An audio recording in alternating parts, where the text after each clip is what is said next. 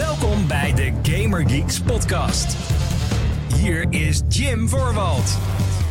Hallo mede Gamer Geeks, wat leuk dat je luistert naar de Gamer Geeks podcast, de talkshow van Gamer Geeks, waarin ik en heel soms een andere kiekje graag bijpraten over hetgeen wat speelt in en rondom de gamingindustrie. Wat fijn dat je erbij bent eh, bij deze 222e aflevering van de show, nummer 222. Ja, dat komt niet vaak voor dat je drie uh, dezelfde cijfers achter elkaar kan uh, zetten in een podcast als deze.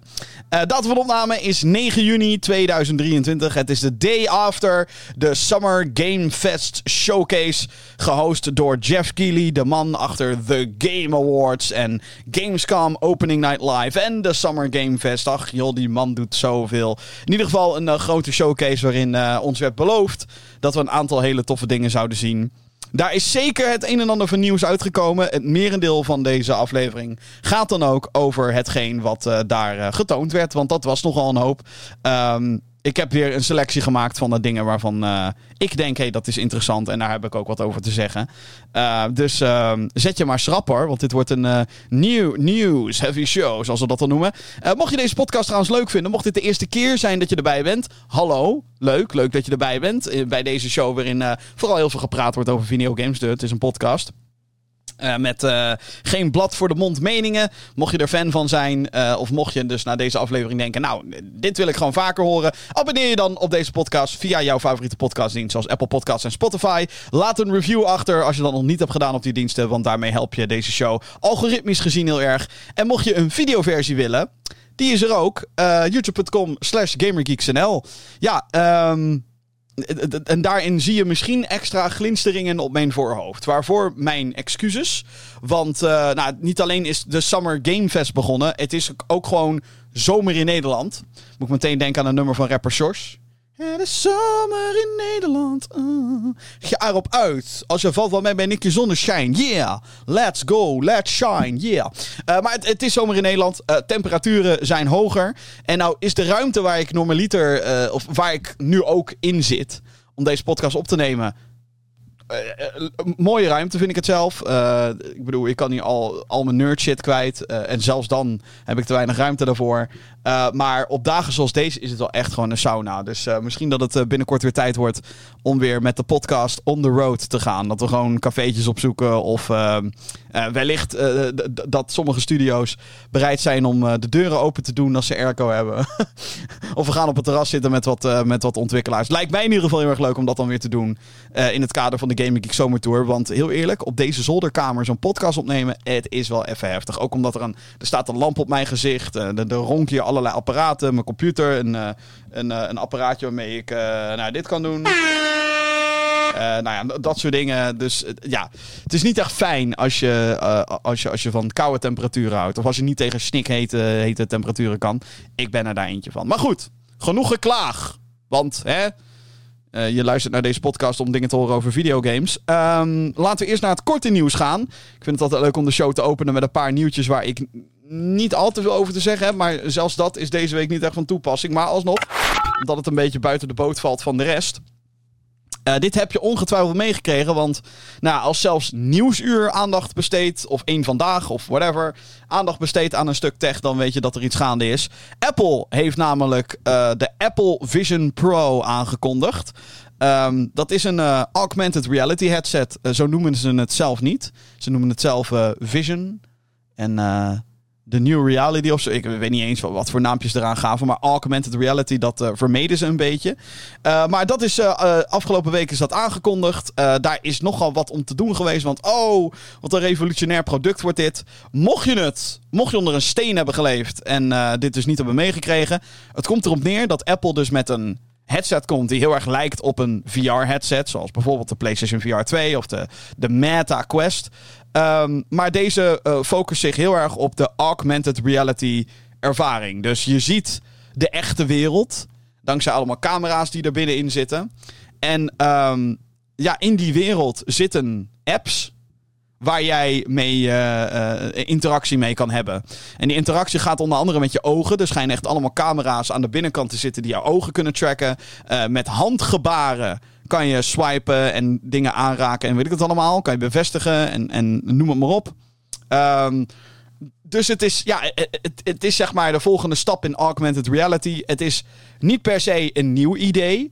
Ik denk dat Microsoft dit uh, jaren geleden ook al voor ogen had met de HoloLens. Maar Apple die, ja, die, die weet het dan toch wel weer voor elkaar te krijgen om het daadwerkelijk zeg maar tof te maken en beschikbaar voor consumenten. Alhoewel beschikbaar voor consumenten, dat ding gaat 3500 euro kosten en komt ehm, begin volgend jaar komt het uit. Uh, dus waarom heb ik het erover? Is dit dan een ding waar games op komen? Nou, die kans heb je natuurlijk dat, uh, dat er games ontwikkeld gaan worden voor uh, de Apple Vision Pro. Dus dat je, weet ik veel, bij wijze van Mario rond kan zien rennen op je bank. En dat je paddenstoelen naam kan gooien of zo. Ik noem ook maar wat. Um, ook hier heeft Microsoft mee geëxperimenteerd met een HoloLens. Um, maar in de trailer van de Apple Vision Pro was ook kort te zien dat er connectiviteit mogelijk is met de PlayStation 5. Dus dat je dan. Ja, dat dat ding dus connectie maakt met je PS5. En dat er eigenlijk dus een scherm in, ja, in de Apple Vision Pro plaatsvindt. Um, wat heel interessant is. Uh, ik ben benieuwd in hoeverre deze connectiviteit uh, werkt. Um, ik ben heel erg benieuwd in hoeverre gamingbedrijven hierin mee willen gaan. Want ik kan me voorstellen dat Microsoft zoiets heeft van... Ja, godsamme, dit hadden wij dus moeten doen met de HoloLens. En uh, ja, verdorie. Shit. En, en, en ik vind het ook verbazingwekkend dat Sony er nu al klaarblijkelijk mee instapt. Omdat zij toch de PlayStation VR 2 hebben. Um, maar ja, dit is wel echt een interessanter stuk tech. Althans, een, een, ik denk dat dit wel voor een technische het is in ieder geval een stap vooruit, laat ik het zo zeggen. Uh, dus vandaar dat het ook iets met gaming te maken heeft. En vandaar dat het ook wel. Uh, dit gaat wel impact hebben op. Uh, ja, hoe mensen met technologie omgaan. Wordt het net zo'n grote stap als de iPhone toen in 2007? Dat is natuurlijk allemaal nog maar afwachten. Maar um, ja, het, het, het is wel ik vind het wel heel gaaf. En kijk, en voor 3500 euro, dat is een bizarre prijs die heel weinig mensen op dit moment ervoor over hebben om dat neer te leggen. Um, daar is ook heel veel over gezegd online. Um, en het enige wat ik daarover kan zeggen is: dit is een eerste generatie product van Apple. En dat doet mij heel erg denken aan wederom de iPhone. De eerste iPhone was ook uh, heel duur voor een smartphone. Zeker toen. Uh, ik weet nog wel dat uh, de toen CEO van Microsoft echt een interviewer kaart uitlachte van... Oh, wat vind je van de iPhone? En toen zei hij, wat? 700 dollar? Of weet ik hoe, duur dat ding was. 700 dollar voor een telefoon? Ben je gek? Um, ja, weet je, uiteindelijk trokken zij aan het kortste eind. Microsoft dan. Uh, en eigenlijk werd de iPhone ook pas echt mainstream met zijn derde, vierde generatie. De iPhone 4 en de iPhone 3GS of zo, of hoe dat ding dan ook heette. Daar werd het pas echt populair mee. Dus ik denk dat we een soortgelijk iets ook gaan zien. Uh, hoop ik dan. dat de technologie die ze nu hebben, dit is de introductie ervan. En als je een uh, echte gigantische tech-nerd bent, dan wil je hiermee in gaan stappen. En dan wil je hier heel erg veel mee gaan klooien. En ik weet zeker dat het ook, um, als het allemaal werkt zoals het geadverteerd wordt, dat het dan ook wel echt uh, een, een, een een, wow-moment gaat zijn. Um, maar ja, als, als het gaat om de massa, ja, dat, dat duurt gewoon even een tijdje. Zeker als het gaat om Apple, want Apple is altijd duur. Apple is altijd uh, schandalig hoge prijzen. Dus ja, dat is mijn uh, visie op de Apple Vision Pro. Aankomend jaar dus. Um, ja, 3500 euro. of althans, dollar. Ik weet nog niet wat de Nederlandse prijs wordt. Sterker nog, het is nog maar de vraag of dat ding hier in Nederland uitkomt. En dan refereer ik wederom naar de eerste iPhone die niet in Nederland verscheen. Je moest like naar Duitsland toe gaan, geloof ik, of zo, om een iPhone te halen. En hebben Apple nerds dat toen gedaan? Oh ja, zeker. Ja, ja, ja. Dat was zeker wel een ding. Goed, uh, volgende, volgende nieuwtje. Uh, in, in het kader van kort nieuws, want hier heb ik ook eigenlijk heel weinig over te zeggen. Uh, en dat is dat uh, Friday the 13th gaat aan het einde van dit jaar. De game trouwens. De Friday the 13th game.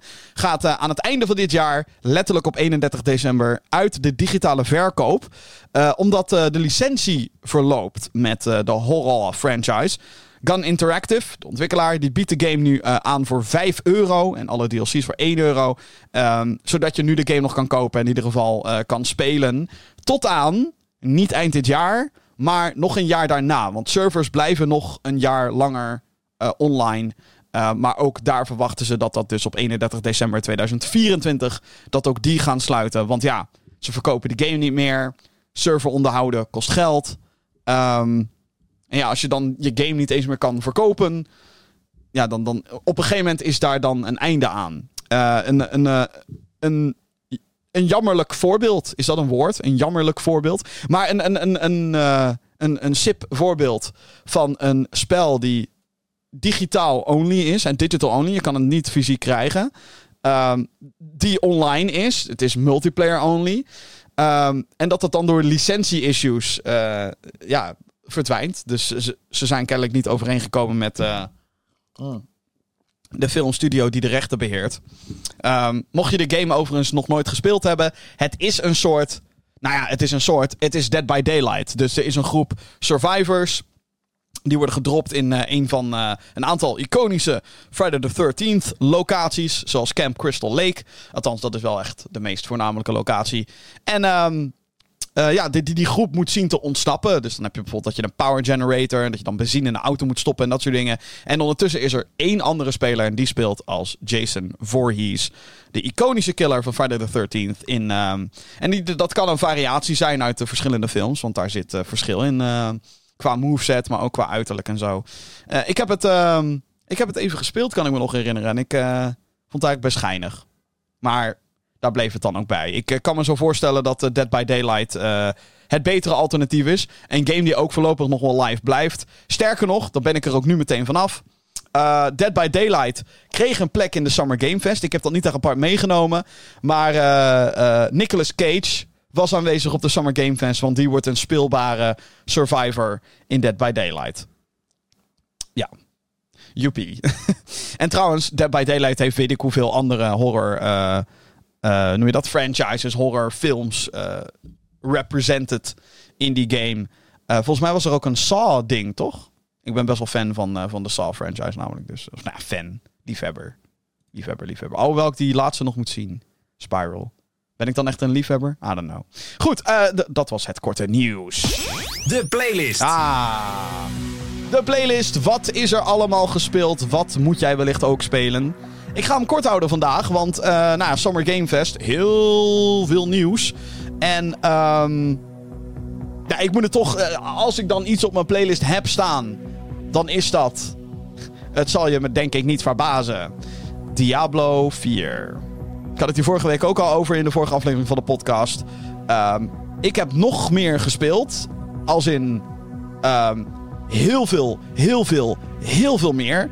En uh, ja, ik kan eigenlijk alleen maar zeggen dat ik het een fantastische game vind. Wat een ontzettend gruwelijk leuke game is Diablo 4. Ik, ik, ik was sceptisch van tevoren. Ik, uh, weet je, ik, ik, ik, ik was gewoon bang dat Blizzard Entertainment, die de laatste jaren gewoon best wel wat fouten gaat, begaat. Sterker nog, een paar weken geleden nog, dat ze ineens zeiden: Oh hé, hey, de Overwatch 2 PvE gaan we cancelen. Het is niet meer het heilige Blizzard met oh, alles wat we aanraken is goud. Dat is het al lang niet meer. En daar, daar had ik me al lang bij neergelegd. En uh, als iemand die Diablo al in, uh, vanaf zijn tiende jaren speelt, had ik ook gewoon zoiets van: het zou tof zijn als Diablo 4 gewoon leuk is. zeg maar zo, zo cynisch ging ik erin.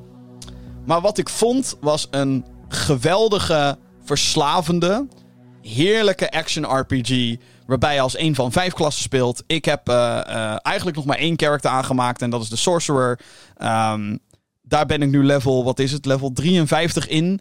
Uh, dat klinkt laag, maar geloof mij maar, na level 50 dan stort de level progressie in. Als in, het duurt dan heel lang voordat je een level erbij krijgt. dus de grind naar 100 is begonnen. Die gaat heel lang duren. En I don't give a shit, want wat is het een vermakelijke game. het is vanaf, vanaf een isometrisch perspectief. Uh, het is demonen slachten. Um, het is een tof verhaal meemaken die ik uh, nu voor, uh, voor het eerst helemaal heb doorgezien. Ik vind de characters fantastisch. Ik vind de setting heel erg leuk. De, de, de graphics zijn echt wel mooi. Het is geen game waarvan je zegt: wow, weet je wel, dit is de volgende stap als het gaat om technology en graphics. Maar dat hoeft ook helemaal niet.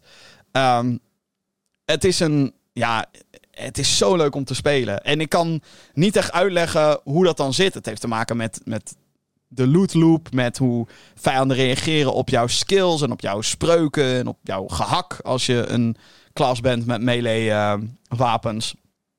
Maar het is gewoon zo lekker om te spelen.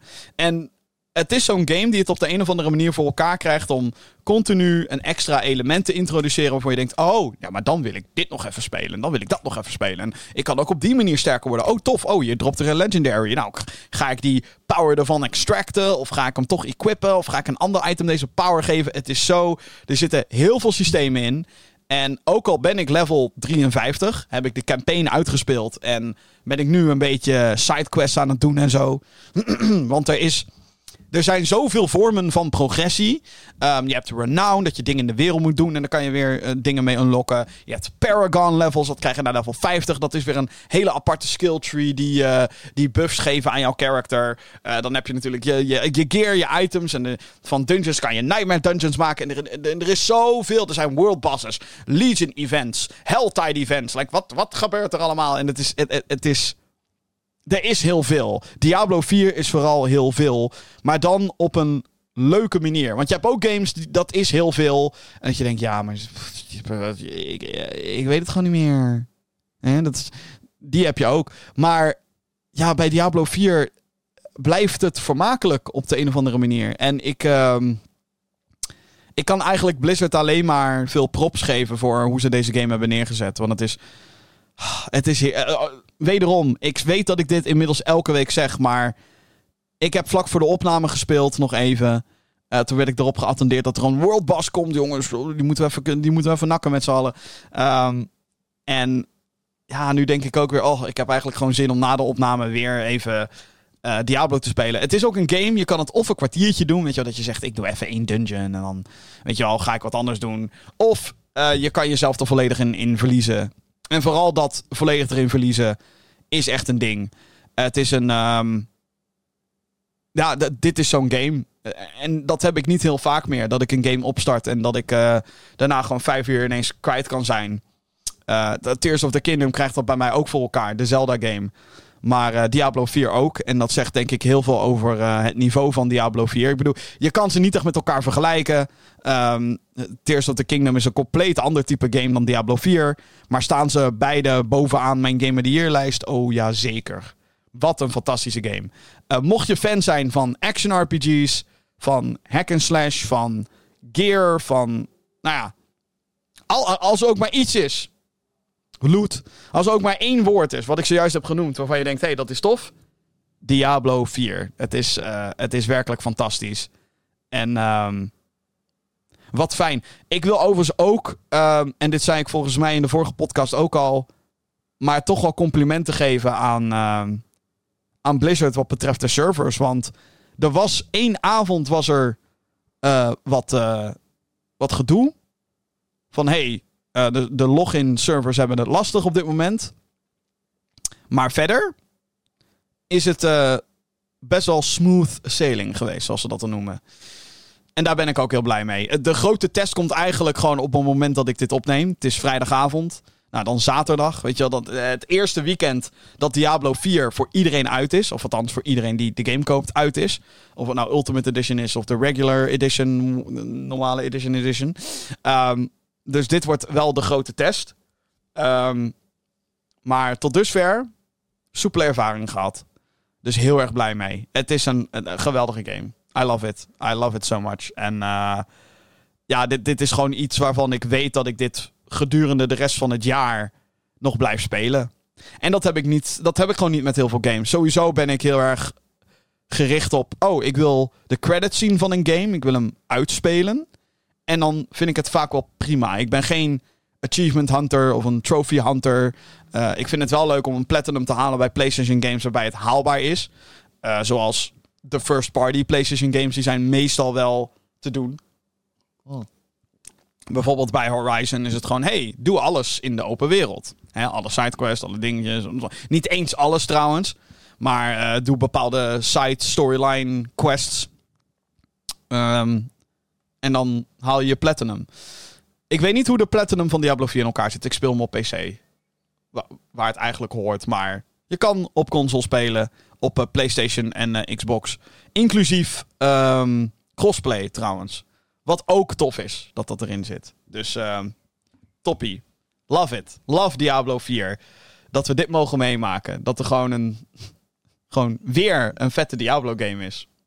Knap hoor. Ze hebben er dan ook lang over gedaan, dat wel. Ik bedoel, Diablo 3 kwam uit in 2012. Ik voel me oud. En um, dit is in 2023. En de expansion Reaper of Souls was 2014, 15, zoiets. Het is lang geleden sinds er echt nieuwe Diablo-content, althans een groot stuk Diablo-content is. Er was trouwens ook wel in het nieuws gekomen dat uh, Diablo op dit moment twee uitbreidingen gepland heeft staan. Naast de updates en de battle passes en dat soort dingen. En um, ja, ook daar word ik enthousiast van. Als gewoon volledige like, expansions komen. Ja, kom erop. Gewoon een nieuw gebied erbij. Nieuwe monsters, nieuwe storyline. Yeah. Want ook al is er een soort van einde aan de storyline. Ja, ze laten wel heel veel over voor, uh, voor een nieuwe plotpunt hoor. En uh, wat dat betreft ben ik ook wel heel benieuwd waar het verder gaat. Dus um, ja, te gek. Echt te gek.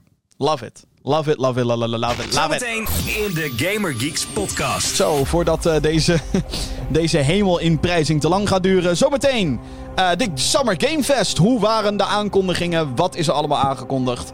Uh, de hoogtepunten krijg je zometeen. Sonic die gaat onder andere terug naar zijn roots met een twist. Een drop-in, drop-out twist wellicht. En Devolver Digital had ook zijn eigen showcase. En ook daar uh, ga ik je doorheen nemen. Dat was op dezelfde avond als de Summer Game Fest. Nog geen uh, 12 uur geleden op het moment van opnemen. Dus uh, ook daar ga ik met je, uh, met je doorheen. Nieuws. Maar eerst. Um, is dit het enige nieuws wat buiten de Summer Game Fest valt? Ja. Eén nieuwsbericht over niet Summer Game Fest. En dat heeft te maken met een, uh, een game die ik vroeger heel veel speelde. Uh, de website Games Industry publiceerde deze week namelijk een artikel over de Croc franchise. C-R-O-C. Een uh, platformserie die in de jaren 90 actief was, maar na al twee hoofddelen stopten. de games werden gemaakt door Argonaut Games en werden uitgebracht op PC en PlayStation. Oh, het is lang geleden, mensen. Uh, wat betreft de eerste Croc is er een interessante geschiedenis. Argonaut Games had in eerste instantie hun 3D-technologie uh, en het prototype voor de game gepitcht naar Nintendo als een Yoshi-platformer. Deze werd toen afgeslagen door Nintendo. Uh, en ja, daarop maakte het bedrijf de game met wat wijzigingen. Dus Yoshi, een groene dino, werd een groene krokodil Croc. De oprichter van de toenmalige studio Argonaut reageerde op een tweet wat betreft het zojuist genoemde artikel. Daarin zei hij dat het waarschijnlijk te vroeg is om te zeggen, maar hij deed het alsnog. Uh, maar de ontwikkeling is begonnen aan een Croc HD, zo noemt hij het zelf. Of dit gaat om een remaster met opgepoetste graphics. Uh, of, uh, of zoals we bijvoorbeeld eerder zagen bij Crash Bandicoot of Spyro. Ik bedoel, dat waren hè, in essentie dezelfde games, maar dan met mooiere graphics. Um, of een, uh, uh, uh, ja, een vernieuwde game. Dat is niet duidelijk. Het lijkt er dan ook op dat we nog even moeten wachten voordat we iets te zien gaan krijgen van een Croc HD. Maar het is dus in early development, werd gezegd. Um, ja, dat is wel cool, want Croc is echt zo'n franchise dat je denkt: waarom heeft niemand hier ooit geprobeerd om nog iets van te maken? Um, een Team 17 bijvoorbeeld, of de makers van Ukulele, um, die zouden daar wellicht nog wat mee kunnen doen. Um, nou doen die natuurlijk hun spirituele Banjo-Kazooie games met... Uh, en Donkey Kong games, Donkey Kong Country games met uh, Yooka-Laylee en Yooka-Laylee en The Impossible Lair. Um, als het gaat om deze uh, nieuwe game... Ik mag wel hopen dat het een remake wordt. Als in een nieuwe game. Met, ja, weet je, wel gewoon dat character en dat je schattige gobbo's moet bevrijden in kleurrijke levels en zo. Dat vind ik allemaal prima. Maar je moet niet gewoon de oude game gaan pakken en oppoetsen. Want ik ga je nu al zeggen, dat gaat heel erg underwhelming worden. Want je kan merken dat het een oude 3D-platform game is. Dat dat gewoon door een studio is gemaakt die nog heel erg bezig was met hoe kunnen wij springen in 3D leuk maken. Dus de levels zijn heel erg beperkt. Het zijn hele kleine kamers. Um, het zijn een soort van tank. Het is een soort van tankbesturing. Dus je, met één toets loop je vooruit. En dan met een andere moet je soort van. Ja, het is lastig uit te leggen, maar. Nu is het zo natuurlijk hoe we rondlopen met characters in een 3D-omgeving. En bij Croc was dat nog niet heel erg natuurlijk. Het was nog ehm, niet goed uitgevogeld, laat ik het zo zeggen. En ook uh, wat betreft platforming en klimmen en, en hoe het al. Het, is, het is niet zo soepel. Als je nu, als je nu heel rooskleurig, als je de game ken, kent.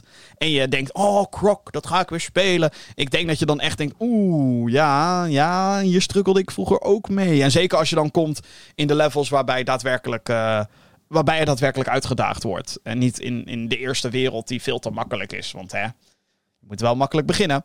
Dus um, ja, voorzichtig optimistisch. Uh, ook early development. Dus het kan natuurlijk ook zo zijn dat er gedurende de ontwikkeling van alles nog wat fout gaat. Waardoor we de game misschien wel nooit te zien krijgen. Dus uh, wees gewaarschuwd, Croc fans. Maar wees ook blij. Want uh, er wordt gewerkt. Aan oh, er wordt gewerkt aan iets. Sorry, ik drukte even op een verkeerd knopje hier. Oh. Ja! Laten we dan snel doorgaan met de Summer Game Fest. Oké, Jeff Keighley die hield dus een, uh, een presentatie de Summer Game Fest. Um, wat ik aan het begin van de, van de show al zei. Jeff Keighley is een uh, presentator, gamejournalist. Uh, is een uh, aantal jaar geleden met, begonnen met de Game Awards. Want hij wilde dat games in het zonnetje werden gezet. Zoals ook films dat krijgen met de Oscars. En televisie met de Emmys. Zoiets moest er ook komen voor videogames, vond hij. En dus kwam er de Game Awards. Um, dat imperium heeft hij uitgebreid. Met onder andere Gamescom Opening Night Live. Ook een ja, een showcase event waarbij hij gaat uh, ja, een beetje trailers aan elkaar staat te praten eigenlijk. En um, dat doet hij ook een aantal jaren als zijnde de Summer Game Fest. Als soort van vervanger slash concurrent van de E3. Een beurs die normaliter in juni uh, plaats zou moeten vinden, maar dit jaar geannuleerd wordt. En, uh, of geannuleerd is en waarschijnlijk nooit meer terugkomt. Dus daar heb je een beetje een context. Dus ja, wat zat er dan in die Summer Game Fest? Nou, een aantal hoogtepunten ga ik dus met je doornemen. Uh, en uh, het begon eigenlijk wel met een redelijke banger. Summer Game Fest opende namelijk met de aankondiging van een nieuwe Prince of Persia game. What? Het wordt een 2D actie-platformer waarin The Prince uh, snel kan rondbewegen met wallruns, dashes en double jumps. Daarnaast kan hij uh, met twee zwaarden vechten en heeft hij ook beschikking tot een pijl en boog en andere wapens. De game heeft een artstijl die doet denken aan een andere Ubisoft franchise, namelijk Immortals. Wat daaraan bijdraagt is de aanwezigheid van mythische wezens. Ik werd ook heel erg een, ik, ik, ook een beetje verward terwijl ik de trailer zat te kijken, want ik dacht, wacht even, is dat Prince of Persia? Zijn outfit? En toen werd er geroepen, There are Immortals. En toen dacht ik, oh, is het Immortals? Want de artstyle lijkt wel een beetje op Immortals. En toen bleek het alsnog Prince of Persia te zijn. Ja, verwarrend verhaal. Uh, welke Ubisoft uh, studio de game maakt, dat is onduidelijk. Maar wanneer we hem kunnen spelen, dat is dan wel weer duidelijk. Namelijk op 18 januari 2024. Dan verschijnt Prince of Persia The Lost Crown op PC, Nintendo Switch, PlayStation 4, PlayStation 5, Xbox One en Xbox Series S/X. Dus um, ik vond dit gaaf. Uh, wel verrassend, want Ubisoft komt nog met zijn eigen showcase. Uh, Ubisoft Forward. Uh, dat gaat gebeuren op maandag 12 juni. Dus het kan zijn dat als je deze podcast hoort, dat die ook al geweest is. Um, en ja, je zou denken dat ze dit soort dingen dan voor zichzelf zouden bewaren. En dat sentiment deelde ik vorige week ook al met, met betrekking tot de PlayStation of de, twee weken terug. Met betrekking tot de PlayStation Showcase. Waar Assassin's Creed Mirage in uh, werd vertoond. Uh, Oké. Dus ze hebben en een Assassin's Creed game en een Prince of Persia game al bij andere partijen neergezet. Ik bedoel, we gaan er. Van Assassin's Creed gaan we ongetwijfeld meer zien tijdens Ubisoft Forward. Maar ja, je zou toch denken dat dit um, iets is voor je eigen showcase. Desalniettemin um, vind ik dit heel leuk. Vooral omdat dit uh, een creatievere kant is van Ubisoft met een hè, qua schaal kleinere game. Uh, het is weer vanaf een 2D-perspectief, wat ook wel tof is. Het is geen open world. Weet je, het is geen Watch Dogs, het is geen Assassin's Creed, het is geen Far Cry. Nee, het is even iets, iets smallers, wat niet per se slecht betekent. Ik wil het totaal niet negatief laten overkomen. Um, en gewoon cool dat ze even iets anders proberen weer. Uh, ik zag wel wat gezeik op de trailer. Van, oh, dit is Prince of Persia niet meer. En waarom zit er nou rapmuziek in die trailer? En dan denk ik, ja, weet je, daar kan ik me makkelijk overheen zetten. Ik vind het ook niet passen, maar goed. Mensen willen hip doen. Maar um, Nee, het zag er heel tof uit. Gewoon een hele snelle, snappy 2D actiegame. Iets wat eigenlijk best wel past bij Prince of Persia. Ehm, en ja, een franchise die dus niet vergeten is. Uh, er is nog steeds een Sense of Time remake in ontwikkeling. Maar ook daar werd de afgelopen paar weken werd duidelijk uh, vanuit Ubisoft Montreal, de studio die die remake maakt, dat uh, dat nog een tijdje gaat duren. Dat het project eigenlijk gewoon opnieuw opgestart is qua ontwikkeling. Dus dat duurt nog even. Dat is jammer. Maar dit is wel een lekker zoethoudertje. En wat mij betreft een goede move vanuit Ubisoft. Lekker bezig, jongens. Ik vind het fijn om Ubisoft weer. Ik, ik weet niet, ik zou het heel fijn vinden als dit soort van de terugkeer is van Ubisoft in vorm. Want ik vind dat Ubi, uh, ja. Mm. De laatste jaren zijn ze gewoon echt rare dingen aan het doen. Weet ik hoeveel games ook gecanceld, waarvan heel veel niet aangekondigd. Sommige wel, zoals een Ghost Recon Battle Royale-achtige extraction shooter frontline. Aangekondigd en een paar maanden later, nee, we cancelen het. Like, what the fuck. Uh, X-Defiant, die uh, first-person shooter met een hele slechte naam, lijkt ook de goede kant op te gaan. Dus Oké, oké, oké. Ehm, wat verwacht je dan nog meer bij Ubisoft Forward, is dan misschien je vraag. Um, nou, sowieso gaan we die Avatar game te zien krijgen. De, en dan heb ik het niet over de animatieserie, maar over de blauwe aliens. De James Cameron Avatar game. Daar hebben we al een tijd niks meer van gehoord. Eigenlijk had die game vorig jaar moeten uitkomen. Met, uh, samenhangend met de release van de film. The Way of the Water. Of The Way of Water, weet ik veel, de tweede. Um, dus ja, die gaan we nu zeker wel te zien krijgen. En ik mag hopen met gameplay en een release date. Alhoewel misschien dat nog iets te optimistisch is, aangezien Assassin's Creed ook eerst in augustus had moeten uitkomen. Volgens Inside bronnen. En nu op 12 oktober uitkomt. Dus um, ja, nee, tof. Zin in. Prince of Persia, The Last Crown. Dus dat was een mooie, goede banger van uh, een goede opening van de Summer Game Fest. Uh, vrijwel direct daarna kwam het volgende onderwerp. Uh, er is uh, gameplay getoond van Mortal Kombat 1 tijdens de Summer Game Fest. Na tekst en uitleg van Ed Boon, een van de geestelijk vaders achter de franchise en hoofd van NetherRealm Studios, studio die het maakt, is namelijk, althans door tekst en uitleg van die man, weten we wat de nieuwe gameplay gimmick is. En dat zijn cameo fighters. deze kies je namelijk naast je hoofd. Oh, trouwens, Mortal Kombat 1 versus 1 fighting game, geweld. Je, kent Mortal Kombat. Hoe, hoe, kom je anders op deze podcast als je niet Mortal Kombat kent? Whatever. Um, had ik het over? Cameo Fighters, ja. Uh, deze kies je naast je hoofdpersonage. Um, deze extra personages die springen in het gevecht wanneer de speler dat commandeert. Zoals dat in andere tag fighters, waarin je met meerdere mensen een team zeg maar, aan het vechten bent. Um, ja, ja, ja, zo werkt dat daar ook. Marvel vs. Capcom bijvoorbeeld kon je ook andere personages ineens... Hallo, hier ben ik. Hier, webshooter. Ja, en dan weer weg. Um, dat kan je doen. Uh, hier kan je dan combo's en speciale X-ray moves mee uitvoeren. Dit zijn uh, superkrachtige moves die uh, heel veel schade toebrengen. En er ook heel gruwelijk uitzien. Want je ziet botten breken en zo. Hm, het is Mortal Kombat. vele personages zullen beperkt zijn tot die rol. Dus er zullen specifieke cameo fighter personages zijn. Maar sommige zullen zowel als volwaardig speelbaar personage als cameo fungeren. Je kan deze personages dan ook samen met elkaar laten vechten. Dus eigenlijk met zichzelf. Dus uh, hij noemde al Sub-Zero en Sub-Zero en Scorpion en Scorpion kunnen een team vormen. Wat wel grappig is in uh, die zin. Dus dat is wel leuk. Uh, daarnaast werd bevestigd, want er is meer, dat Jean-Claude Van Damme de rol van Johnny Case gaat vervullen in Mortal Kombat 1. Uh, de eerste, als in de echte eerste, eerste, eerste Mortal Kombat game, uh, was in eerste instantie zwaar geïnspireerd op de film Bloodsport met Van Damme in de hoofdrol. toen hij niet te porren was om in de game te spelen, bedachten ze Mortal Kombat.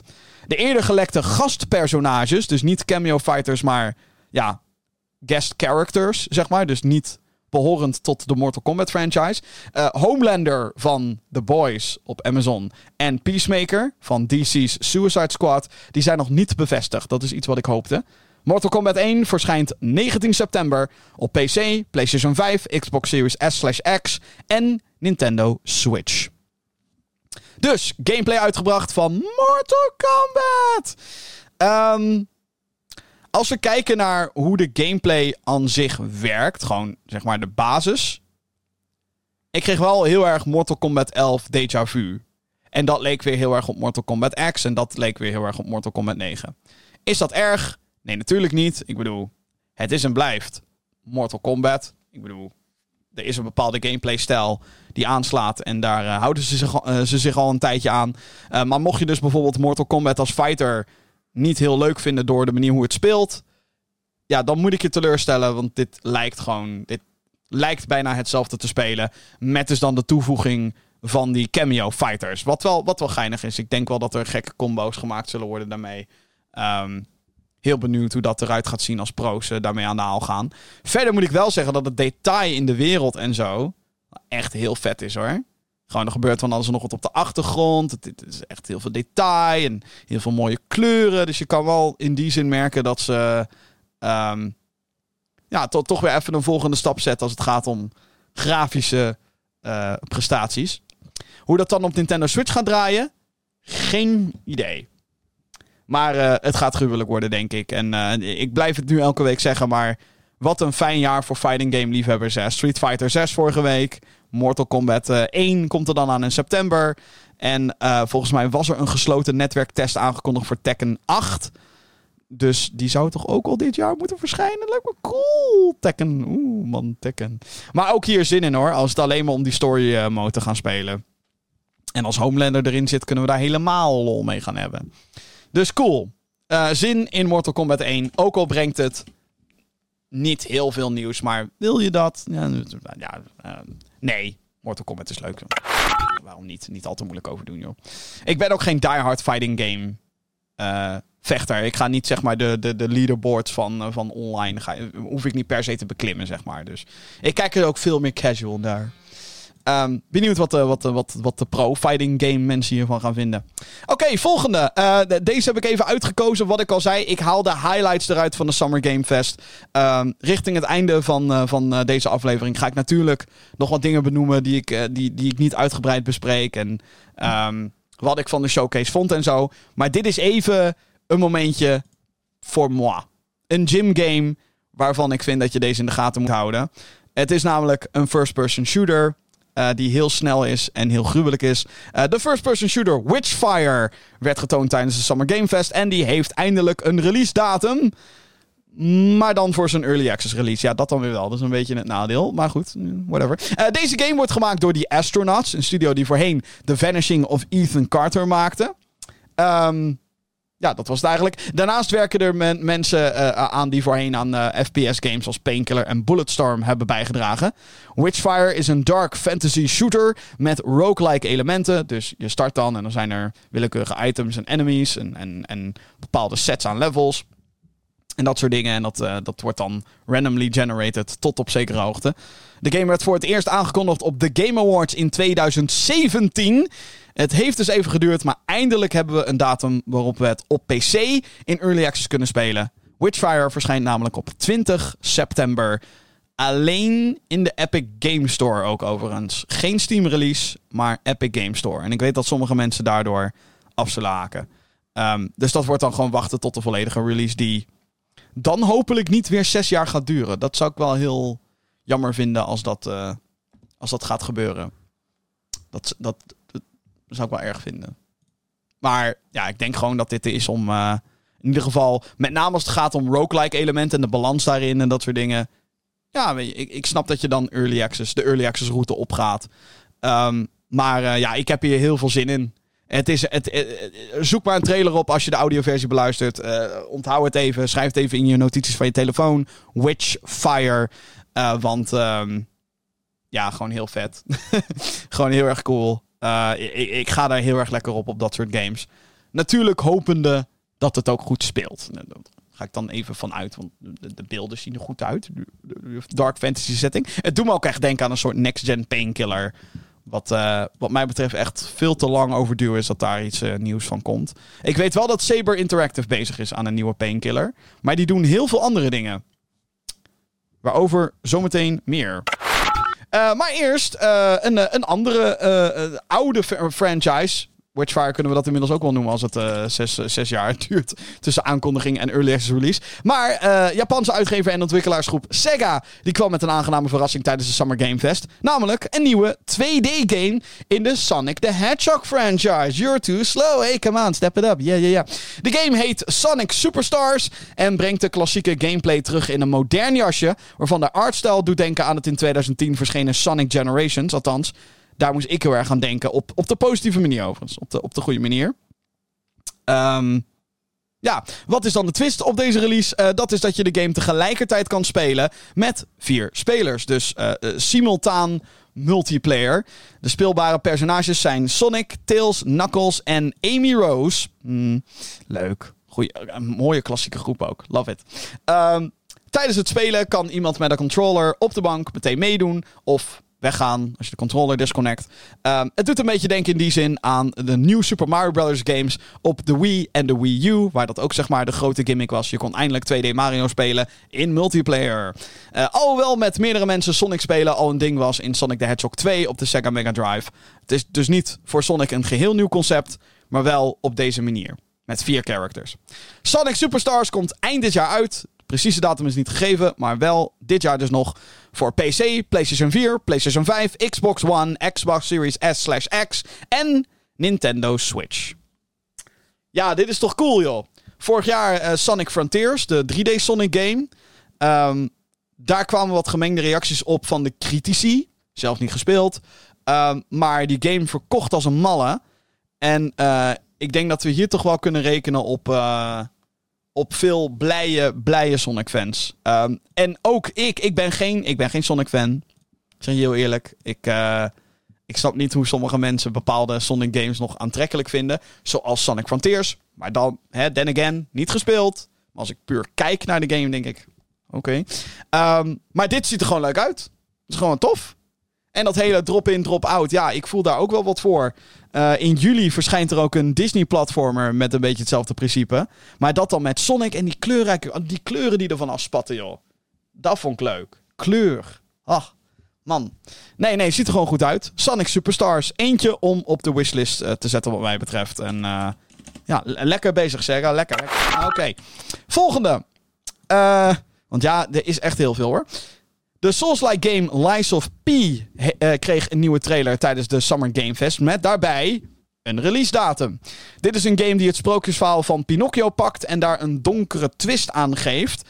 Um, wat betreft de stijl doet het dan ook heel erg denken aan Bloodborne. Dus denk Pinocchio, Bloodborne. Of Bloodborne Pinocchio.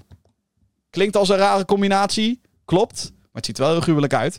Uh, een van de games, uh, Bloodborne is overigens een van de games in het zogeheten, uh, zogeheten Souls-like genre. Die populair is gemaakt door From Software. De makers van Demon Souls, Dark Souls en Elden Ring. Game of the Year van vorig jaar.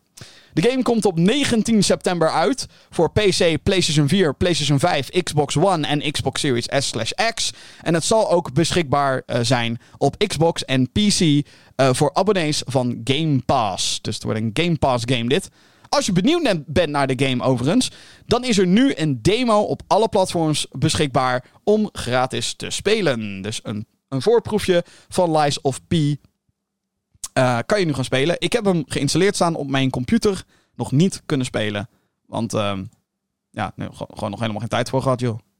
Maar uh, wel heel erg benieuwd naar. Dus uh, dit is eentje die ik sowieso eventjes ga opstarten ergens deze week. Hmm, dan hoor je de impressies volgende week. Maar nee, joh, ik, qua artstijl en qua wat zo'n game dan doet met Pinocchio, met het gegeven Pinocchio is toch wel heel erg vet. Ik heb uh, de game zelf niet gespeeld afgelopen Gamescom. Maar Vincent wel. Uh, iemand die uh, soms voorbij heeft horen komen in deze Gaming Geeks podcast. en dat was een hilarisch aanzicht, moet ik zeggen. Want dat, het was de eerste keer dat Vincent een, een Souls-like probeerde. En was tegelijkertijd ook heel koppig. Dus skipte door alle tutorials heen. En ja, weet je, kijk, als je, als je wel eens dat soort games hebt gespeeld, zoals Bloodborne, Dark Souls, et cetera, et cetera. Oké, dan kan je misschien zeggen, joh, skip inderdaad de basic, basic ass tutorials waarbij ze zeggen, oeh, doe een dart roll. Oh, je hebt een healing item en dan heb je een beperkte, weet je wel, dat soort dingen. Dat kan je dan skippen. Maar hij heeft nog nooit zo'n game gespeeld. Dus hij skipte al die dingen en ging dood, dood, dood, dood, dood, dood, dood. Want deze games staan erom bekend om moeilijk te zijn, dat ze moeilijk zijn. En uh, ja, hij, hij snapte er gewoon helemaal geen reet van. Maar hij vond de stijl wel tof. Dus hij had zoiets van, uh, eigenlijk wil ik weer meer tijd hebben om dit te leren. Uh, ik wens hem wat dat betreft veel succes. Maar het ziet er goed uit, Lies of P. Het is overigens, mocht je de titel lezen, het is Lies of en dan gewoon een P. Is het nou Lies of Pi of Lies of P? Het is Lies of P. Jeff Keighley kondigde het aan als Lies of P. Het gaat over Pinocchio, die je ook zo in het Engels zegt, Pinocchio. Um, en als je gewoon de letter P wilt zeggen in het Engels, is dat ook gewoon P. Dus Lies of P, niet Lies of Pi. Dat is misschien een spin-off of een secret level die erin zit. Wat ik dan ook wel weer grappig zou vinden als dat het geval was. Maar uh, ja, dat. Lies of Pi, gratis demo dus nu te spelen. Uh, dan nog een, uh, een gloedje nieuwe game. Uh, game Studio Saber Interactive die heeft een nieuwe game aangekondigd. Hiermee hebben ze samengewerkt met horror-icoon John Carpenter. Hij is de man achter beroemde films zoals Halloween, Escape from New York en The Thing, de jaren 80 versie. niet alleen is hij regisseur en producent, maar ook componist. Zo heeft hij ook voor de recentere Halloween-films de muziek geschreven. De game in kwestie, die hij dus nu met Saber, uh, Saber aan het maken is, heet Toxic Commando. En het is een co-op first-person shooter waarin je hordes aan zombies verrot knalt. Het doet in die zin denken aan titels als Left 4 Dead en diens spirituele vervolg uh, Back 4 Blood. Uh, Zombie Army heb je ook nog. Dat was ooit een spin-off van Sniper Elite. Ook weer lang geleden inmiddels. Um, Zombie Army heet het nu in ieder geval. Uh, de twist, uh, wat betreft die formule, is dat je hier in Toxic Commando met je metgezellen kan stappen in voertuigen om zo uh, rond de maps rond te rijden. Met wellicht wat ondode voetgangers in de weg natuurlijk, want zo werkt het. Um, de game verschijnt in 2024 voor PC, PlayStation 5 en Xbox Series S/X. Geen exacte release datum is wat dat betreft gegeven. Ja, um, ik denk dat Back for Blood heel veel verpest heeft voor mij. Um, de game was, eh, werd helemaal gemarket toen. En dat wordt hier niet gedaan, maar alsnog. Back for Blood werd gemarket met helemaal... Oh, dit is van de makers van Left 4 Dead. En dit is onze nieuwe versie van Left 4 Dead. Want de rechten van Left 4 Dead liggen bij Valve. En die willen geen Left 4 Dead 3 maken. Dus maken wij Back for Blood. Het is het helemaal, jongens. Ik speelde daarvan de beta en wist eigenlijk al toen Nee, dit is hem niet. Dit is gewoon. Nee, dit is het niet. Het voelt niet lekker om te spelen. Weinig variatie qua zombies. De polish is er niet. De, de animatiewerk is er niet. Het is gewoon niet de volgende stap. Ik kan beter Left 4 Dead 2 gaan spelen. En ik ben dus heel erg bang dat dat ook hier het geval is. Um, want, nou ja, weet je, de game wordt gemaakt door Saber. Prima studio aan zich. Um, en uitgegeven door Focus Entertainment. Nou zijn zij echt wel op weg om steeds meer bangers te, te, maken. Of uit te geven in dit geval. Maar je moet er wel. Het is niet de AAA quality die zij maken. Goed voorbeeld. Afgelopen najaar brachten zij Evil West uit. Een game waarin je als een cowboy speelt. Die zowel guns kan schieten als met een gigantisch ijzeren handschoen. Uh, ook zombies en andere beesten kapot kan uh, rammen. Heel tof. Heel erg cool. Het deed me heel erg denken aan games uit het Xbox 360 tijdperk. Dat vond ik er tof aan. Is het zeg maar hoogste kwaliteit? Nee, dat niet. Nou was de prijs ook niet daar. Uh, maar dan heb je ook weer games als A Plague Tale. Hoe heet die tweede ook? Requiem heette die tweede.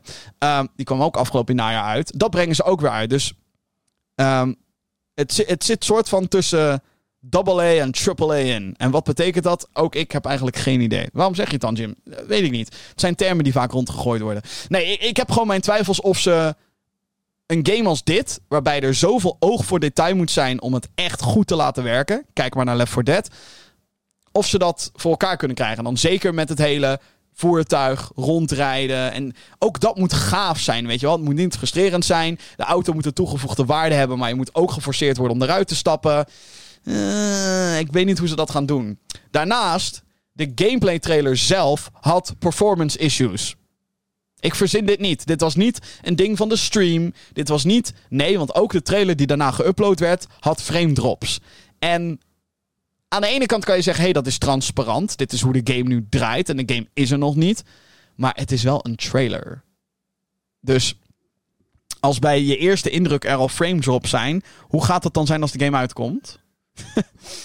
Um, dus ja, ik, uh, het, het is een soort van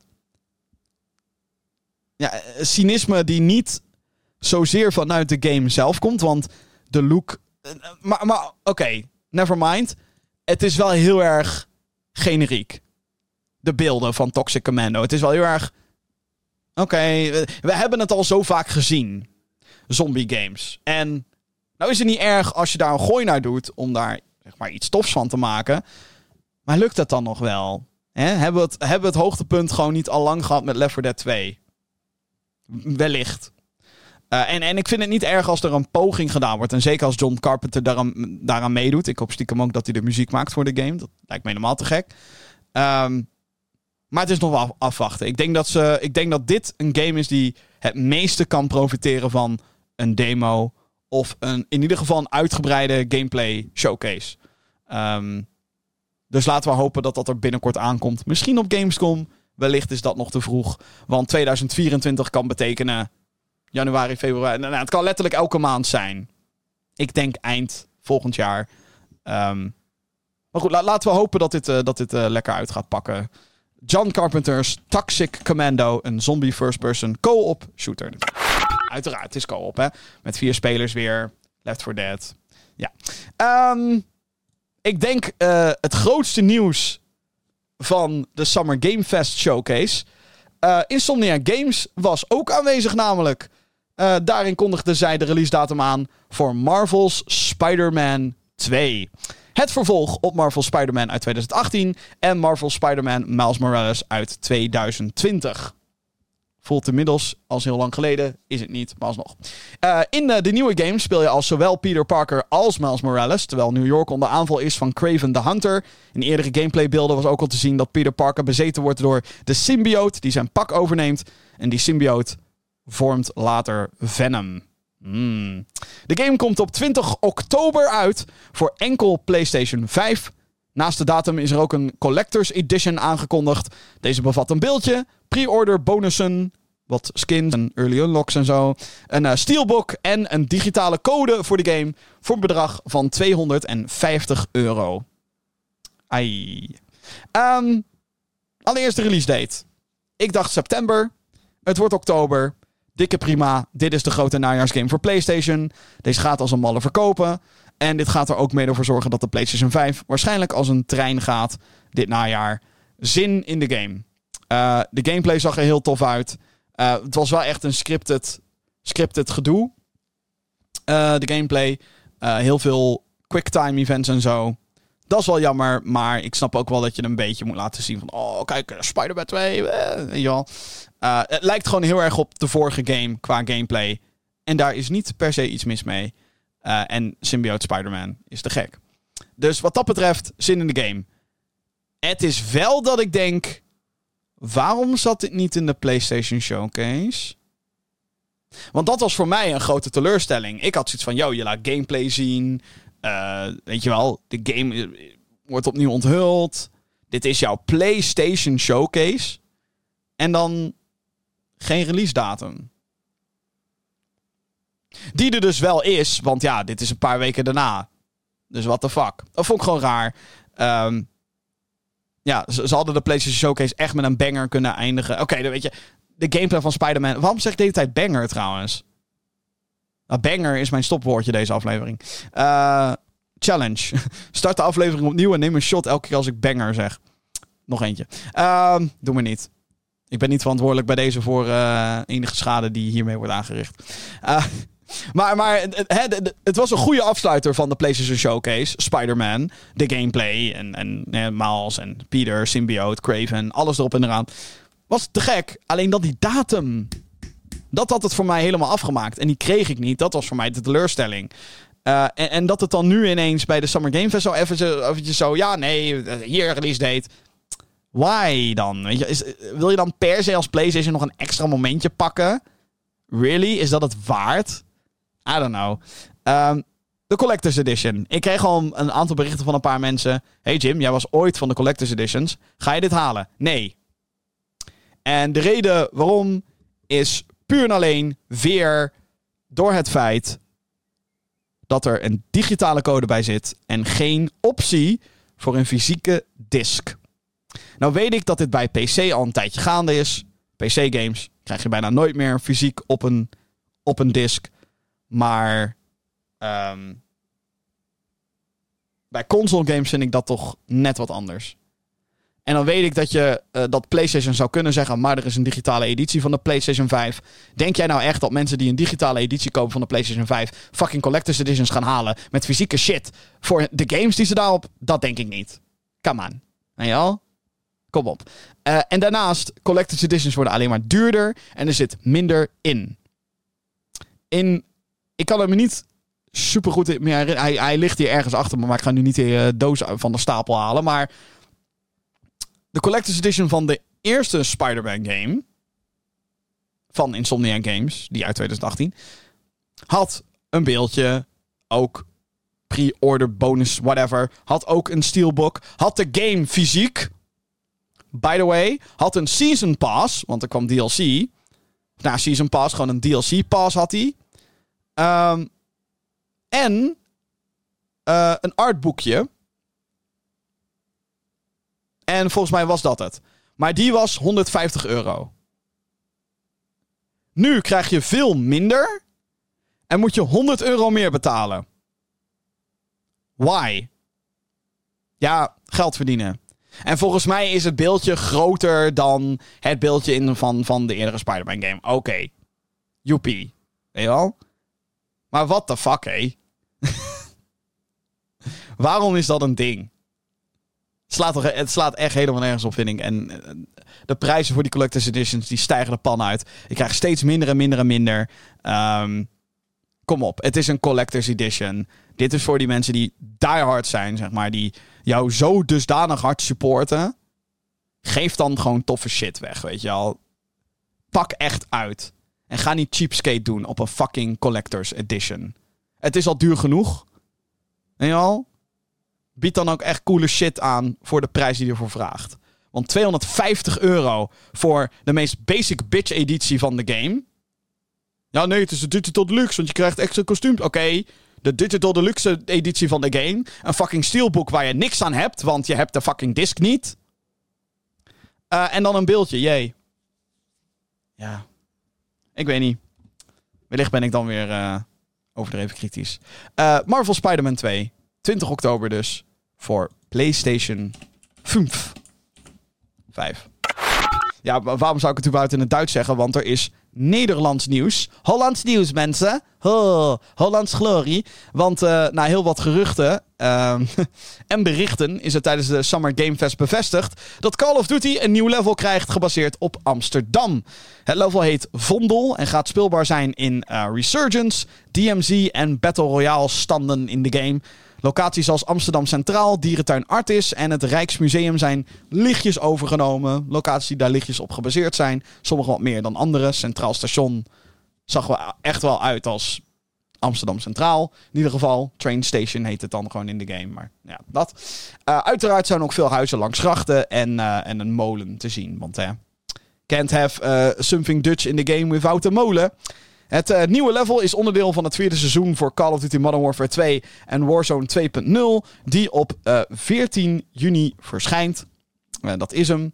Um, ja, ik, ik moet even terugspoelen hier hoor, want ik vind toch wel, ik zit nu ook naar die beelden te kijken. Ja, het is toch best wel gek om dat dan zo te zien. Um, ja. Overigens, leuk nieuw, leuk, ja, nerdy ding dit. sinds gisteren, dus sinds de Summer Game Fest, um, wordt er gecommuniceerd met een nieuw logo. En wordt het 2.0 bij de Warzone-naam steeds minder gebruikt. Dus het is een soort van rebranding gaande omtrent uh, Call of Duty. Um, overigens komt dit natuurlijk ook omdat uh, het, de Amsterdam zat al in de game. In een single-player level, in de campaign.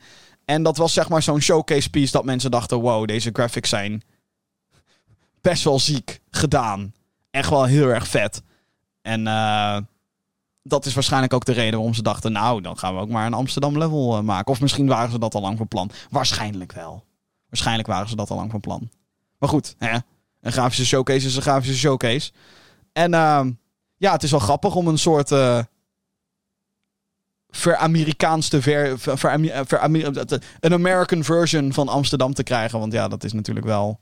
Hè. Laat ik het zo zeggen, als Nederlanders dit level gemaakt hadden, uh, als een heel Nederlands team eraan zat, dan was het waarschijnlijk wel anders geweest. Ik, zie over, ik zit, zit overigens nu te zien. Dat zou, ik kan ook gewoon niet meer praten. Ik zie overigens nu dat ik in de titel uh, heb gezet Call of Duty in Amsterdam. Maar het is natuurlijk andersom. Amsterdam in Call of Duty. Nou goed.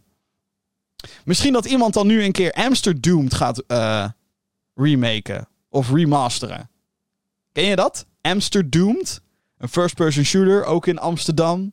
Ging je ook gelijk langs het Rijksmuseum en Centraal Station. En kon je de Free Record Shop in om daar blauwe aliens dood te schieten.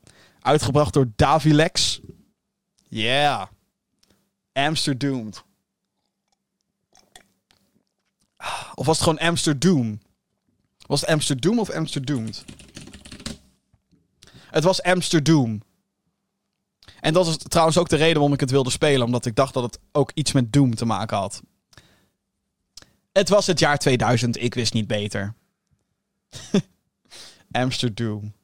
Oh, ik, ik, ik zit het nu te googlen. Wat leuk. Davilex Games. God, de god, de god. A2 Racer. Oh, man. Even Nostalgia Rush. Oké. Er is meer nieuws. Dus laten we daar nog naartoe gaan. Want... Uh, woe, de Summer Game Fest is uh, wat, betreft de highlights die ik eruit heb gehaald bijna voorbij. Maar ik moet het natuurlijk nog hebben over die ene trailer. Uh, de Jeff Keighley Show die werd namelijk afgesloten met een eerste volle trailer voor Final Fantasy VII Rebirth. Oeh.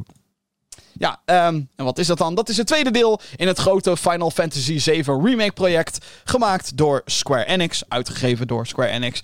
In de trailer is het gezelschap van Cloud, Aerith, Red 13 en Tifa te zien. Buiten de stedelijke setting van Midgar. De game ziet er volgens enthousiastelingen veel meer open uit dan uh, zijn voorganger. Of nou ja, het eerste deel van de Final Fantasy VII Remake saga. Rebirth, uh, zo, moeilijk hè. Rebirth verschijnt begin 2024 voor enkel PlayStation 4 en PlayStation 5. Dus het is nog steeds een cross-gen game. Verwacht wordt dat er later een PC-versie gaat verschijnen. Zoals dat ook met het vorige deel gebeurde. Dat was, want was het een half jaar daarna of zo dat er een PC-poort uitkwam. Nou, het zal hier ook wel uh, gaan gebeuren.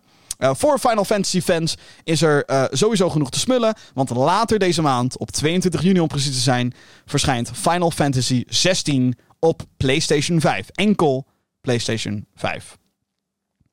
Um, ja, uh, ik heb hier eigenlijk niet heel veel over te zeggen. over deze trailer. Um, ik moet part 1 van de remake nog steeds spelen. En ik heb het oude Final Fantasy 7 nooit gespeeld. Oh nee, Jim. Nou ja, wel eens gespeeld, maar lijkt het eerste uur. Dat kan je niet echt tellen als spelen, vind ik. Uh, in zo'n uh, grootschalige RPG. Ehm, dus ja, ik, ik, ik kan hier. Uh, um, ja, niet echt enthousiast. Nou ja, niet echt enthousiast over worden is ook heel hard gezegd. Want het ziet er heel mooi uit, vind ik. het is alleen, ja, ik, ik moet dat eerste gedeelte nog spelen, joh. Dus uh, ja, dat. Je al? Ik, ik, heb, ik heb niet echt heel veel content. Ik weet ook niet echt wat er gebeurt. Het is gewoon voor mij, uh, ja, ik zie heel veel flashy beelden die te maken hebben met Final Fantasy 7. En daar blijft het voor mij bij. En dat bedoel ik overigens echt niet lullig. Ik bedoel dit niet lullig. Want uh, ik wil dit echt een keer gaan spelen. Ga nu maar eens een keer de tijd vinden om dat te doen, Jim. Ja, dat moet ik echt een keertje doen. Maar ja, wanneer? Er komen te veel goede games aan dit jaar. Final Fantasy 16 bijvoorbeeld. Hallo. Um, dus ja, uh, ik denk uh, heel erg tof voor de fans. Um, laat deze remake saga maar lekker doorgaan. Um, het ziet er wel ambitieus uit in ieder geval. Heel mooi, wederom. Dus wat dat betreft heb ik niks te klagen. Um, er werd trouwens ook nog in de showcase een mobile game aangekondigd. Final Fantasy 7 Ever Crisis. Maar ja, um, boeien. Mobile game. Alhoewel, als je diehard Final Fantasy bent, de fan bent, dan zit je daar misschien ook nog wel op te wachten. Maar uh, ik niet in ieder geval. Uh, Final Fantasy 7 Rebirth dus. Begin 2024. En wellicht dat deze dan nog een beetje uitgesteld gaat worden. Naar iets later in 2024. Oké. Volgende nieuwtje. Nou ja, nieuwtje. Dit is eigenlijk heel veel in één nu. Acht, achter elkaar, mensen. Uh, want uh, niet alleen maar was er een, uh, een Summer Game Fest. Uitgever Devolver Digital, bekend van games zoals Hotline Miami, Shadow Warrior, Cult of the Lamb en Fall Guys, voordat deze werd overgenomen door Epic, heeft ook zijn jaarlijkse showcase gehad. Uh, zoals we het inmiddels gewend zijn, is het meer een sketch van een kwartier lang waar trailers in verwerkt zitten. Uh, dit keer ging het uh, om het volledig fictionele gaming-personage Volvi. Die werd gereboot in de vorm van een AI-machine die games naar com commando kan bedenken. Heel, het is, het, ik raad het aan om het terug te kijken als je een beetje van inside gaming-industrie humor houdt. Want ik vond het heel grappig. Alle knipogen en nou, dingen over AI en dat soort dingen. Ja, dat, dat, ja, dat. Waren er games? Jazeker. Ja, in de showcase werd, uh, uh, in de showcase werd Wizard with a Gun aangekondigd. Een survival sandbox game die doet denken aan Don't Starve. Met het kleurenpalet van Cult of the Lamb en guns. De game verschijnt dit jaar op PC, PlayStation 5 en Xbox Series S/X. Er is nu een demo beschikbaar op PC-platform Steam. Er was ook nog first-person puzzle game The Talos Principle 2. Die uh, kreeg ook een trailer. Uh, deze kwam al eerder voorbij tijdens de PlayStation Showcase, de game dan. En ook voor deze titel geldt dat hij dit jaar moet verschijnen op PC, Xbox Series S/X en PlayStation 5. De makers van Ape Out en Getting Over It die bundelen hun krachten met het maken van de game Baby Steps. Hierin speel je als een 35-jarige luilak. Beetje confronterend. Ook al ben ik nog geen 35, maar goed, die, uh, ja, die leeftijd nader ik snel. Dat vind ik niet leuk overigens. Ik voel me oud. Nee. Uh, maar je speelt in ieder geval zo'n 35-jarige luilak die naar een fantasiewereld getransporteerd moet worden. Uh, en uh, daardoor heen moet zien te lopen. Dat klinkt simpel, maar je bestuurt beide benen apart van elkaar. Wat dan doet denken aan de internethit Kwop. Kennen we dat nog? Kwop? Een soort van marteling dat je. Daar speelde als een sprint en dan moest je. Ja, daar bestuurde je niet de benen, maar lijkt de aparte onderdelen van elk been met QWOP. Ik weet nog steeds niet hoe het werkte. Of werkt. Um, Baby Steps verschijnt volgend jaar voor PlayStation 5 en PC.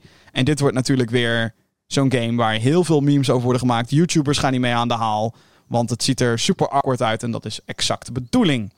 Um, sowieso was Getting Over It ook al zo'n type game.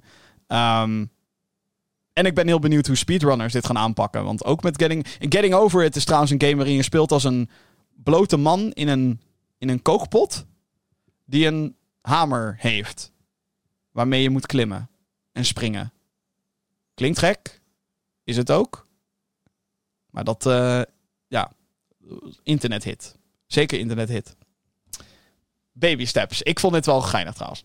Uh, en als laatste krijgt humoristische platformgame Human Fall Flat een vervolg. Het heet simpelweg Human Fall Flat 2. En meer weten we niet, behalve dat uh, PC op dit moment het enige bevestigde platform is voor de game. Waarbij je dus met meerdere mensen uh, chaos kan hebben wat betreft platform gekkigheid. acht speler co-op is bevestigd voor het vervolg. En dat was de Devolver Digital Showcase. Minder trailers dan ik in eerste instantie had gehoopt bij Devolver. Uh, ik had stiekem gehoopt op een release date voor de Plucky Squire. Ik had gehoopt op meer over Skate Story en Angerfoot. Twee games die er ook nog aankomen vanaf die partij. Die, uh, ja, sinds vorig jaar complete stilte. Dus, oké. Daar gaat iets niet goed, denk ik, of zo. Ja. Uh, dus dat was Devolver. En dat was ook meteen het nieuws van deze week. Conclusie, resume. De Summer Gamefest. Um, wat vond ik ervan? Ik vond het oké. Het, was een, het was een show waar best wel veel in gebeurde. Ik bedoel, ik heb best wel veel dingen besproken, vind ik. Uh, het is natuurlijk altijd een kwestie van smaak. Met hè, wat je tof vindt en niet. Voor mij zaten hier wat minder dingen in die ik tof vond dan waarschijnlijk heel veel andere mensen. Um, uh, ik heb het bijvoorbeeld uh, niet gehad over de Alan Wake 2 gameplay die er ook was er valt ook gewoon niet heel veel over te zeggen. Want het was letterlijk: iemand gaat een huis in, er komt een soort monster op iemand af en die wordt doodgeschoten. En dat is de gameplay. Drie minuten. Daar werd een hele brouhaha om gemaakt. En ik snap ook niet echt waarom. Uh, Immortals of Avium kreeg weer een trailer. Dat is een first-person shooter. ja, zeg maar Doom meets Doctor Strange. Uh, komt volgend, uh, volgende maand komt dat uit. Ja, ook meer gameplay van een game waar ik het over heb gehad. Niet veel meer over te zeggen. Um, kijken, wat was er dan nog meer? Um, er werden wat vreemde keuzes gemaakt in deze showcase. Zo was er een trailer voor een Annapurna showcase. Annapurna is een, is, een uitgever. Dus een, een, trailer in een, een trailer voor een showcase in de showcase. Wat? En inmiddels is het wel echt een trend dat televisieseries of films gebaseerd op games ook trailers krijgen bij dit soort presentaties. We zagen een Gran Turismo trailer tijdens de PlayStation Showcase. En hier kregen we een trailer voor The Witcher seizoen 3. En een scène uit de Twisted Metal serie. Waar ik best hard om moest cringen. Ik, had niet zoiets van, haha, dit is grappig. Of haha, dit is, dit is goed. Of zo. Niet overtuigd. Um, en ik, ik, weet dus ook niet of dat een goede trend is. Um, Shoutouts nog naar Warhammer 40k Space Marine 2. Die kreeg een korte trailer waarin werd bevestigd dat er co-op campaign beschikbaar komt in die game. Woe! En geen release date, maar wel dat het deze winter moet gaan verschijnen. Dus daar heb ik zin in. Maar goed, ik had Witchfire al besproken, dus dan... ik ga niet deze hele podcast volstoppen met games waarvan ik een van de drie mensen ben in Nederland die daar zin in heeft. Um, Wellicht dat er ook nog aan me gevraagd kon worden wat ik vond van Pal World. Dit is een Pokémon rip-off, maar dan met guns. Uh, begin volgend jaar komt daar een early access van uit. Uh, ik denk dat er Nintendo-advocaten op deze game afkomen, want de designs lijken te veel op Pokémon. Er zit geen graantje originaliteit in. Uh, en de geweren in de game zien eruit als realistische geweren. Alsof iemand de, de, de models heeft geript van Counter-Strike 1.6 en dat in deze fucking game heeft gepropt. Het ziet er gewoon niet goed uit. Ik, uh, ik weet niet. Ik, ik, ik, ik vind het zeg maar cool dat er mensen zijn die Pokémon als inspiratiebron gebruiken en daar zeg maar een game omheen bouwen met features die Pokémon al lang had moeten hebben of hè, nu pas erin hebben. Uh, Temtem is zo'n voorbeeld. Maar dit was wel, dit is heel erg rip-off. Dit is gewoon echt slecht. Gewoon. Echt een slechte namaak. Maar dan, hoe we hebben guns, want dat is grappig. uh, ik, uh, nee. Not a fan, not a fan, not a fan. Um, laatste shout-out die ik dan wil doen wat betreft um, uh, de Summer Game Fest. Is um, Banishers Ghosts of New Eden. Die komt eind dit jaar uit. Uh, en dat is een game gemaakt door Don't Not. De studio die ooit de eerste Life is Strange maakte. En dit lijkt wel echt op een meest ambitieuze titel, zeg maar. Als, als ik kijk naar de schaal en naar de gameplay. Dus heel veel focus op uh, combat zit erin. Um, met daarbij ook nog de keuzes van, hè, die je kent van bijvoorbeeld Life is Strange. Uh, en wat voor gevolgen dat dan gaat hebben voor de game. Oeh, wie zal het weten. Maar ik vond de game er heel erg vet uitzien. Uh, dus dat is er ook eentje die ik op de wishlist zou zetten. Banishers Ghosts of New Eden. Goed, um, de show. Het duurde twee uur. Um, en ik denk dat Jeff Keighley wederom onze verwachtingen te hoog heeft neergezet. Het was echt zo van: hé hey jongens, er komen like grote verrassingen in. Maar echt gewoon, ja, dingen die je niet verwacht. En uh, ja, gekke, gekke dingen krijgen we hoor. En dan de dingen die hij van tevoren helemaal aan het pushen was. Zoals Wake 2 gameplay. Wauw, drie minuten. Iemand gaat een huis in en schiet een monster dood. En dat zag er heel vet uit, daar niet van. Ik heb hartstikke veel zin in Alan Wake 2. 17 oktober uit mijn hoofd. Um, maar was dat nou alle hype waard? Mortal Kombat was dan wel een goede, een goede zeg maar. Die was hij ook van tevoren helemaal aan het hypen. Um, maar ja, weinig. Er was niet echt de. Voor mij althans. En dan ga je weer. Kwestie van smaak natuurlijk. Maar dat was niet echt de grote, toffe verrassing waarvan ik denk, nou, dit wordt crazy dit najaar. Die, dat, die, weet je wel, zo'n game waarvan ik... Waardoor je gewoon instant, per direct, super veel zin hebt in een bepaalde maand of, of, of moment dat zo'n game uitkomt. Een nieuwe game. Zeg maar, want Spider-Man 2 op 20 oktober. Vet. Ja, cool. Witchfire 20 september. Vet. Cool. Zin in. Weet je wel? Maar we wisten al lang dat die games bestonden. Witchfire helemaal. Zes jaar bijna. En ik zou bijna hetzelfde willen zeggen voor. sorry. Final Fantasy VII Rebirth. Ja, weet je, we wisten al dat de game kwam. Ja, dus het, is- het is cool dat we nu de game te zien kregen. Maar ja, het ziet eruit als Final Fantasy 7 Remake. Who knew? En, en ik ben ook niet het publiek daarvoor, dus hè, daar heb je weer dat smaakding. Maar alsnog, ik, ik, ik miste de grote, toffe game van wellicht een, een bestaande franchise. ehm, die dan nu gewoon zijn hoofd laat zien waarvan je denkt, oh wauw, dit, wa- wa- wauw. Je wel? Dat miste ik gewoon heel erg in deze showcase. En zeker met de manier hoe Jeff Keighley dit aan het, eh, ja, aan het, aan het hypen was. Maar goed, dat moet hij doen, want het wordt gesponsord en zo. En er moeten zoveel mogelijk mensen naar kijken. Ehm, maar ik moet wel zeggen, compliment naar Jeff Keighley, is dat zijn shows meestal zo ontzettend lang duren. En dat viel nu gelukkig mee. Ik weet dat mensen een beetje een aversie hebben tegen developer interviews of interviews met acteurs ehm, tijdens dit soort showcases. Dat soort gesprekken duren inderdaad meestal veel te lang. Maar ik moet zeggen dat hij wel geleerd heeft van de fouten, zeg maar. Dus de mensen die hij dan op het podium had, ja, die hadden vaak dan ook wel daadwerkelijk wat te vertellen over waar ze in zaten of de game die ze aan het maken waren. Eh, dat is in het verleden wel anders geweest. Dat Jeff Keighley twee gasten van Devotion Games op het podium had. Hey, jullie hebben een nieuwe studio opgericht. En die heet Devotion. En jullie hebben een partnership met PlayStation. Gaaf hoor. Ja, ja, ja. We willen echt de meest innovatieve, toffe games maken ooit. Eh, wat we, we maken, ja, kunnen we nog niet zeggen. Dan denk ik, rot dan op, weet je wel. Fuck off. En daar heeft hij gelukkig van geleerd. Dat soort shit hadden we hier niet. In ieder geval niet in, in, in zo'n erge zin. Wat ik al zei, trailers voor televisieseries en films. Ik weet niet of we die kant moeten blijven opgaan. Alhoewel, het is onderdeel van nerd culture, dus whatever. Ehm, en ja, een, een, een, een, een showcase trailer in een showcase. Fuck dat. Eh, hetzelfde trouwens ook, ehm, en dat is dan het laatste wat ik erover ga zeggen. Path of Exile 2 wat, zat in, in de Summer Game Fest. Wat ik... ehm, dan heb je ballen. Diablo 4 is net uit en dan kom je met een game die heel erg lijkt op Diablo 4. Path of Exile is eigenlijk gewoon free-to-play Diablo. Even heel, heel krampachtig gezegd. Eh, daar komt dus een tweede van. Of althans, deel 2 gaat zeg maar deel 1 vervangen. Zoals dat ook met Counter-Strike 2 gaat gebeuren. Ehm, maar we kregen dus een hele korte gameplay teaser. Die er aan zich wel cool uitzag. Maar Diablo 4 ziet er beter uit. Maar dan ook meer op 28 juli. En dan denk ik ook van... Ah, maar doe dan gewoon een hele aankondiging. Hè? Wees dan gewoon Ubisoft. En zeg, eh, hè? kom dan met een trailer. Hier is een nieuwe game. Hier is een trailer voor een nieuwe Prince of Persia. Dit is de release date. Bam.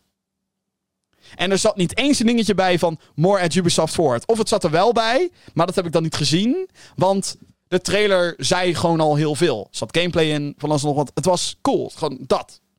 Dat is wat we willen. Gewoon dat soort shit willen we.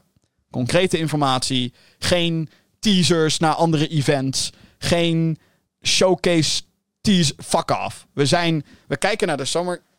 Er zit een mug, mug voor me. Ehm, we kijken naar de Summer Game Fest om daar de aankondigingen te zien. En niet voor teasers van een eventuele aankondiging van een andere showcase. Van een aankondiging van een teaser trailer van een aankondiging van de showcase. Fuck off. Geen zin in. Dus dat. Ehm, ja, geen, eh, geen baanbrekende eh, show. Een paar toffe aankondigingen. Maar daar bleef het dan ook bij. Heb jij een vraag voor de show? Nou. Mail naar podcast.gamergeeks.nl Dat zou ik vooral doen als jij vragen hebt wat betreft eh, eh, een game. Eh, Als je een aanrader wilt of je hebt een vraag die je wil neerleggen. Je hebt een mailbox minigame. Kan allemaal. Podcast.gamergeeks.nl Podcast.gamergeeks.nl En daarmee ben ik aan het einde gekomen van deze 222e aflevering van de Gamer Geeks podcast. Mocht je dit nou een leuke show hebben gevonden, deze nou, vijf kwartier toch al ruim, aan geklets over videogames. ehm, vergeet dan niet te abonneren op deze show via jouw favoriete podcast app. Degene waar je nu wellicht op luistert. Of bijvoorbeeld Apple Podcast of Spotify. Laat ook een review achter, een recensie, vijf sterren. Daarmee help je de show algoritmisch gezien heel erg. Of eh, check de videoversie op youtube.com youtube.com slash gamergeeksnl. En aankomende week zit ook weer vol met gekke shit. Hoop ik dan, althans. Want eh, op het moment van opnemen is aankomende zondag de Xbox Games Showcase. Met een Starfield Direct. En eh, op maandag 12 juni de Ubisoft Forward. Dus we are looking forward to that. Goed, eh, maar dat eh, komt allemaal de volgende aflevering van deze show. Dus verheug je erop, hoop ik dan natuurlijk. Ehm, hartstikke bedankt voor het luisteren naar deze 222e aflevering van de Gaming Kicks podcast. En heel graag tot een volgende keer.